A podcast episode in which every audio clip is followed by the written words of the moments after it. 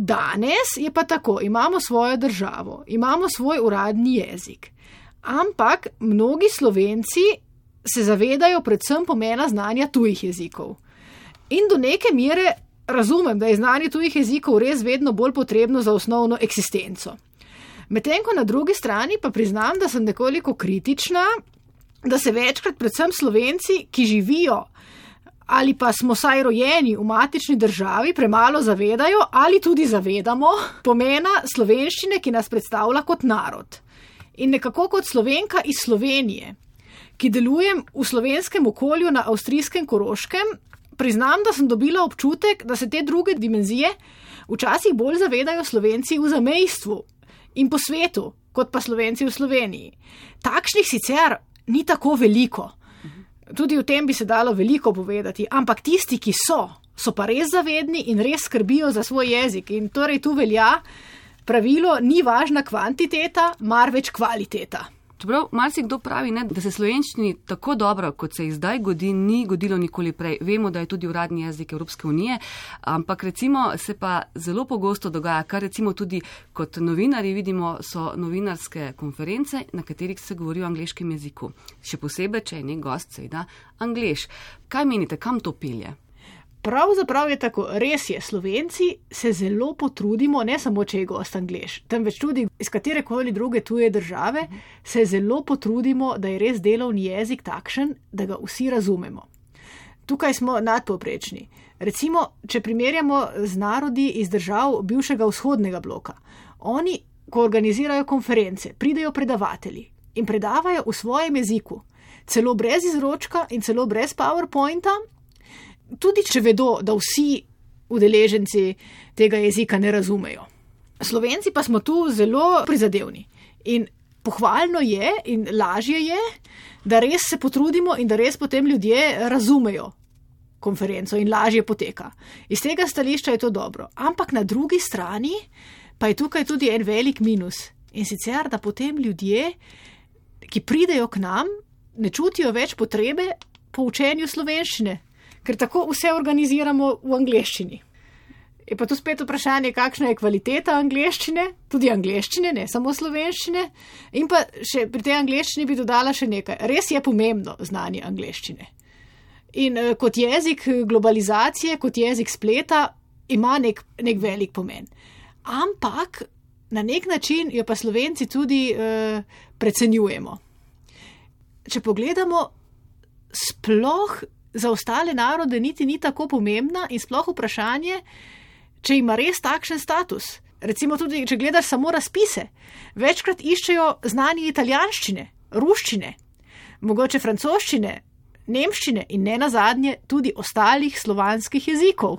In tudi potem, če prideš na omenjene države vzhodnega bloka, tam so večkrat ljudje ki sploh ne znajo angliško, pa ne samo ti, vzhodni blok, tudi Italija, tudi Francija so zelo slabi v angliščini, tudi v Avstriji niso tako dobri v angliščini. Tako da tudi z angliščino ne prideš povsod lepo skozi. Zdaj, nekateri jezikoslovci večkrat slišimo, da zelo radi rečejo, da je jezik živ, da se spremenja. To zelo veliko krat slišimo, ko kakšne besede iz slenga pridejo zelo v ta um, zborni jezik. Kaj vi menite o tem? Ja, jaz menim potem to, da se je spremembam zelo težko izogniti, dokler je jezik živ, to se pravi, dokler ne umre zadnji govorec. In to se mi nekako ne zdi nič slabega. Sploh pri besedju je dobro biti prožen in sprejemati nove besede, ker to jezik eh, bogati in ne siromaši. Ampak na drugi strani se je pa treba prizadevati tudi za ohranitev starih, lepih slovenskih besed in podpreti človeka, če jih uporablja. In tako bom povedala primer z eh, Koroške. Na Koroškem sta v rabi v knjižnem jeziku lepi slovenski besedi vigret in majnik, ki sta nekako v srednji Sloveniji že zazna, zaznamovani kot arhajični. Ampak v koroški različici slovenskega knjižnega jezika sta živi. In potem sama, ko korigiram besedila svojim dijakom ali ko kaj lektoriram iz koroškega prostora, tih dveh besed namirno ne popravim ker se in tudi svoje učence učim, da, se, da so za pomlad dve poimenovani ali za maj dve poimenovani, samo da je pač prvo bolj splošno slovensko, drugo pa je bolj uh, krajevno. Ker se mi zdi lepo, da, da takšne slovenske besede ne izumro. Kaj bi pa rekli, kolikšna pa je ta naša narodna zavest ali pa identiteta, če jo povežemo z jezikom? Ja, zdaj, eh, to je, to je res, do, ta problem je vreden nadaljnega raziskovanja, nedvomno. Se mi pa zdi, da narodna zavest sama po sebi ni tako problematična, da se ljudje tu v Sloveniji in po svetu zavedamo, da smo Slovenci. Razen kolikor se je kdo res potujčil, no, ampak tisti, ki smo, se zavedamo, da smo Slovenci. Ampak problem pa je, da narodno identiteto premalo povezujemo z jezikom, oziroma se ne zavedamo njene neločljive povezanosti z jezikom. In lahko bi recimo kar, kot karikiran izraz, bi lahko slovenski narod poimenovali The Slovens. Aha, radi rečemo, da smo slovenci, tako? s tem se zelo radi pohvalimo, ampak v tujem jeziku. V tujem jeziku, tako. Oziroma, da znamo tuje jezike, ne pa da znamo slovenščino.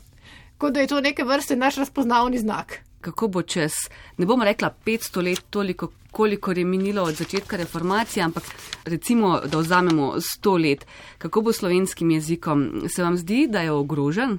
Težko je napovedati, kaj bo čez 100 let. Mislim, da v matični državi ravno ogrožen jezik ni. Ker še vedno ga govorimo, še vedno je po šolah, še vedno uh, so ljudje do neke mere, to bom zdaj malo nesramno rekla, mogoče tudi leni, za učenje tujih jezikov in imajo radi, da so stvari v slovenščini, oziroma imamo, ne samo imajo. Morda bolj ogrožen je lahko uh, v zamejstvu ali pa po svetu, ker tam pa se potem uh, lahko izgublja, ko se določeni, uh, tisti, ki ostajajo zavedni, seveda so vedno zavedni. Ampak določeni se pa tudi, so se že potujčili, naprimer, ker vidim tudi na avstrijskih tleh ogromno slovenski slovenskih primkov, pa govorijo samo še nemško ali pa bila sem tudi v Avstraliji nekaj let nazaj in tam recimo potomci, generacija mojih staršev še govori slovensko, medtem ko moja generacija pa že samo angliško. Je to eh, kompleksno vprašanje, ali je slovenščina ogrožena ali ne in si ne bi upala dati na tem mestu nekega um, trdnega odgovora. Sicer sedanja situacija ni ravno najbolj spodbudna. Ampak vedno se pa lahko kaj spremeni, tudi na boljše, da ne bomo zaključili čisto v negativnem tonu. Mislim, da to, da je tudi mogoče uh, več poudarka vem, na pravopisu, na slovnici v šolah, več ur slovenščine kot učnega jezika, ve, večja pozornost tudi na sam jezik pri izdelkih, čisto praktičnih, so recimo takšni manjši koraki, ki uh, nekako peljejo k boljši skrbi za jezik.